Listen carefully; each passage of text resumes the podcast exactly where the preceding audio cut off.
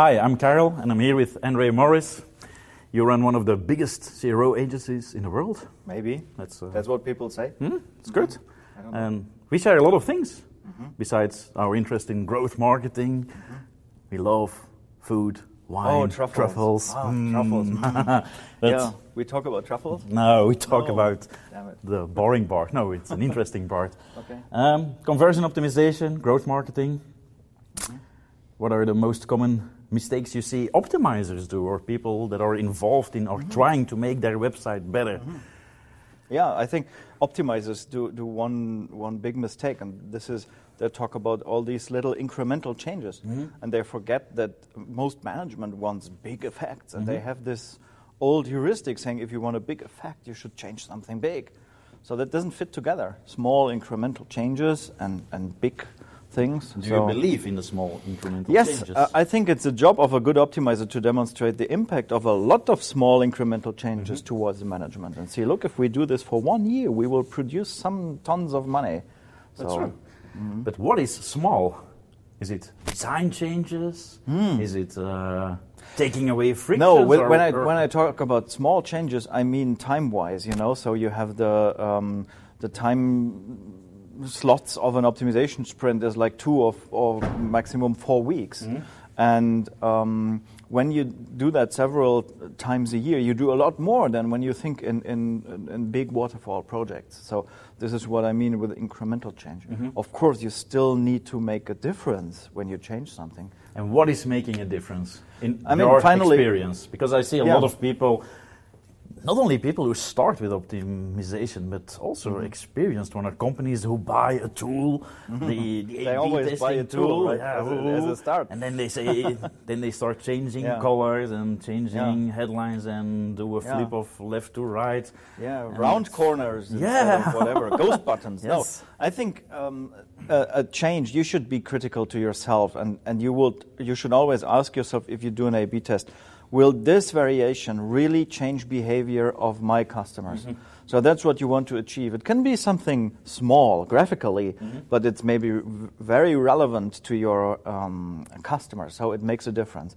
Um, but if you don't have that, I call it behavioral contrast your A/B tests won't produce any results because you're, you're not testing the website. You're testing, uh, or you're measuring how much behavioral change you have. That's it. And I think that a lot of people are still busy with, I don't know, Yeah. I call it the outer layer of their website. That's Oh, how it looks, and it's important how it looks, but they, They're- only change the. to be honest, they're, they're tweaking bullshit. Yeah. can I say that?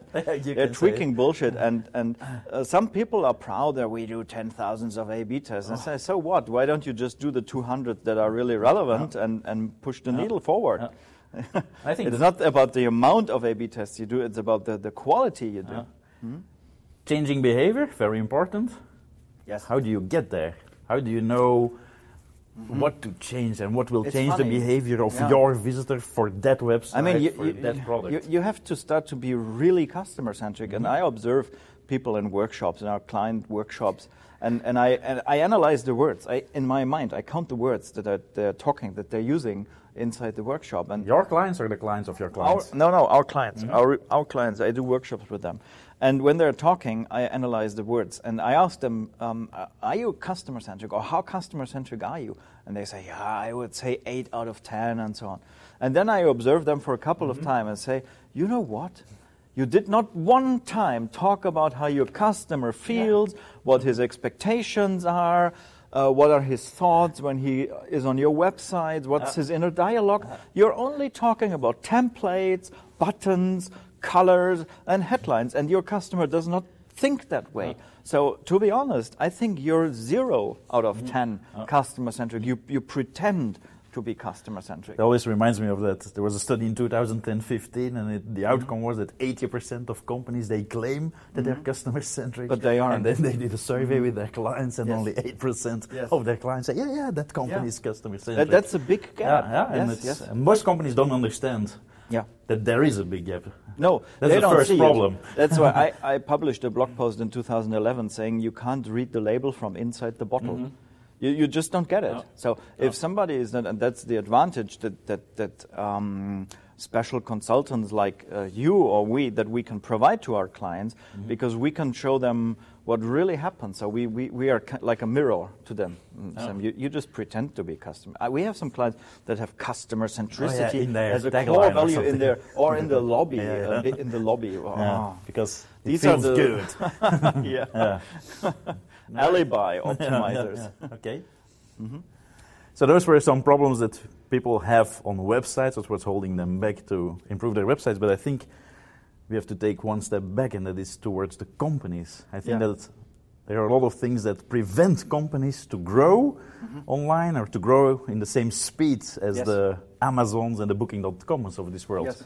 What are the most common problems there in your I mean, we, we talked about customer centricity, so this problem mm-hmm. is already mm-hmm. in the mind of mm-hmm. uh, the people. Mm-hmm. And I would say it's a, it's a big cultural issue. That, um, in, in my talk, I, I once said that um, optimization, the, the biggest optimization lever is to change the, cul- the culture of, y- of your people. Mm-hmm. And, and I see that every day when we work with our clients and we say, let's, let's make this improvement, and they want to do more and more and more and do it perfect. And we say, no, done is better than perfect. And they, they're not. They're not good in this mindset, yeah. so they they would spend months for yeah. for for changing something. I, I, I always think that one of the okay, you have your user research if you have an idea, and I think the first test. Yeah. It's okay if it's a rough one, and then you mm. can see if it's working, and then you yeah. can spend some time on refining. Exactly, that's what we call lean, yeah. right? We we use uh, an early stage and collect data if mm-hmm. it's worth to follow that idea. And this way of thinking, people really have to embrace and learn, and this is why I think you need like an external coach to get your optimization program up and running. So mm-hmm. you, you speed up a little bit. It's good to hear that it's a problem in Germany too. I always thought it was a yeah. typical Belgium thing because I think that no. the people from the Netherlands, yeah. they they they dare more. They they. Uh, but compared I th- to Belgians. I, yeah, I, I see optimization um, w- was adopted in the Netherlands very early, so mm-hmm. they, they maybe have just a, a, a time advantage yeah. of like two years better maturity, whatever they. Uh, but but no, I think it's the same problem everywhere. So it's perfection, but it's also the guts to yeah do a big experiment change. to. Yeah. but is it, is it also cor- corporate culture that's mm-hmm. withholds people working in the company like don't try those things because of maybe course. we will lose some money in yeah. this experiment but it, that's normal because you know companies when they start being growing and being bigger uh, being bigger they, they start to have policies and mm-hmm. regulations and processes so they, oh. they want a stable foundation of their su- mm. success so so they're they're they're not moving anymore and that's a cultural um, maturity process also, and you mm-hmm. have to realize that. If you want to change it, you have to understand the reason why people think like that.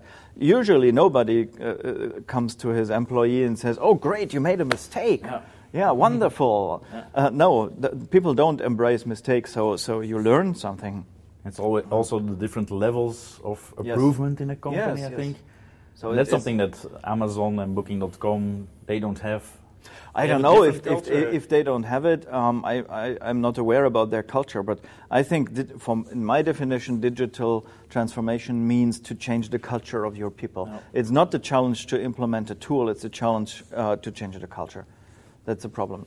Do you also have silos here? Yeah, the Germany, people have silos like marketing I mean, versus e-commerce versus mean, sales. Or a lot of them now have product teams. So mm-hmm. product teams are already cross-functional teams. Mm-hmm uh, but then the, the, the, whole website is operationalized into 20 different mm-hmm. product teams that don't talk to each other. Oh. That's the same bullshit, oh. just turned oh. around. so if you say, let's change something across the, the whole customer journey on your website, they say, ooh, we don't have any team responsible for that. I just care about the search result listing. I say, oh, congratulations. How do you try to change those companies? Because you, yeah. you will have the same problem. You're hired and you work on the website, and then you're some. What we feel is sometimes we're blocked by the company, and we, we are not allowed As to you test are, certain and, things. And, and, and I'm sure that? you are. We are blocked a lot of times when mm. we don't talk to the management. I think oh. uh, lesson number one. I don't know if this saying exists in English, but in Germany, uh, you say that you you always clean uh, the stairways from from up to down, oh. right? Not the other way around. So, so start with the bosses and, oh. and demonstrate the ROI of the cultural change. I mean, you can calculate the business case of A/B testing optimization. So you know what? That makes a couple of million euros different. So mm-hmm. why shouldn't we try it? Mm. And then try start in, in, a small amount and get it get buy-in and and uh, like spread it from there. Uh, but you need the uh, the the Definitely. uh, yeah the okay from from the upper management. Oh. You need a sponsor up there. Within the company who really believes it, and the company should be open to it, and Uh, people working in the company You should make sure open. that they believe it, Yeah. right? You, you can produce A/B test results, and people say, "Yeah, well, but I don't see it on my bank account, so oh, Oh. go away." We're talking about A/B tests. Mm-hmm. Is it A/B tests or is it conversion optimization? Is it digital growth, growth marketing? Is it a process? Is it just gambling? What is it? as, as I said, I mean, you, you have to sell it to the management. And, and if you're talking about A B testing and, and the management is not really into that topic and mm-hmm. likes scientifical, hypothesis based testing, they say, what's that? So, of course, you have to sell the strategic impact of mm-hmm. continuous optimization to the mm-hmm. management. And then you maybe don't call it UX improvement, incremental, tiny little things we do. No. no we have a beautiful job, but we have no idea how to call our job. Oh yeah, I know how to call it in Germany, but but I don't tell it to you.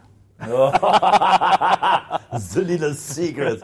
so on this happy note, we finish the interview. Wonderful. Thank you, Andre. You're welcome.